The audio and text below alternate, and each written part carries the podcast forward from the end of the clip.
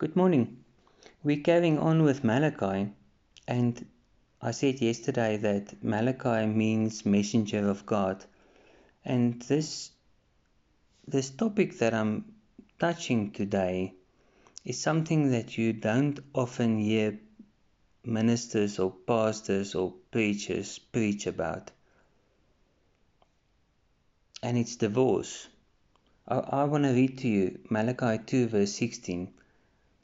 I hate divorce, says the Lord God of Israel, and I hate a man's covering himself with violence as well as with his garment, says the Lord Almighty. So guard yourself in your spirit and do not break faith. I know a lot of people that's been through a divorce.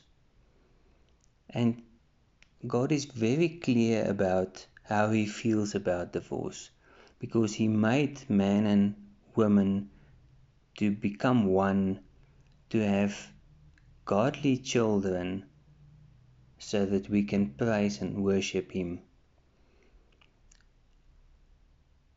But you know what? People that went through a divorce are walking with their shoulders hanging, their head down, as if they've, they're ashamed of what they've been through. Yes, it's it's not nice. It's not nice going through a divorce. It's like death in the family, especially for people close close to you. But Jesus died on the cross for you, for all your sins for people that's struggling with pornography, people struggling with alcohol, people struggling with substance abuse, any any of those things are sin. So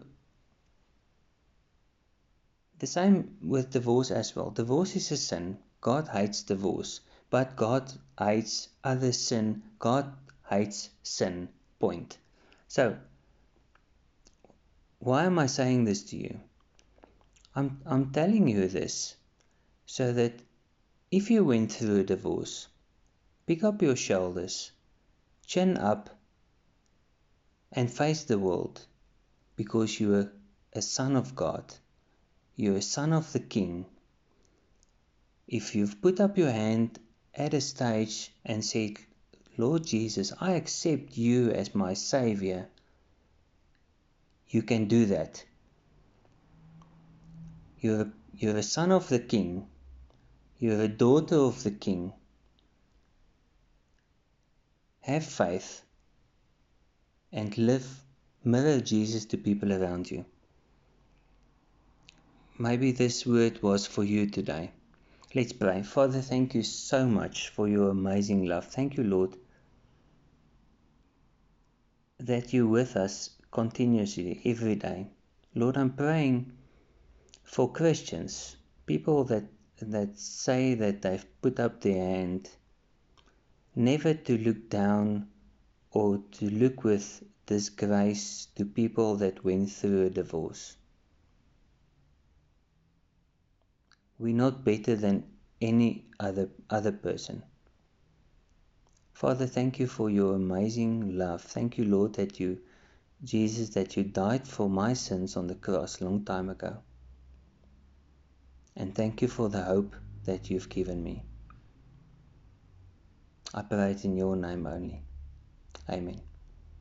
Shalom.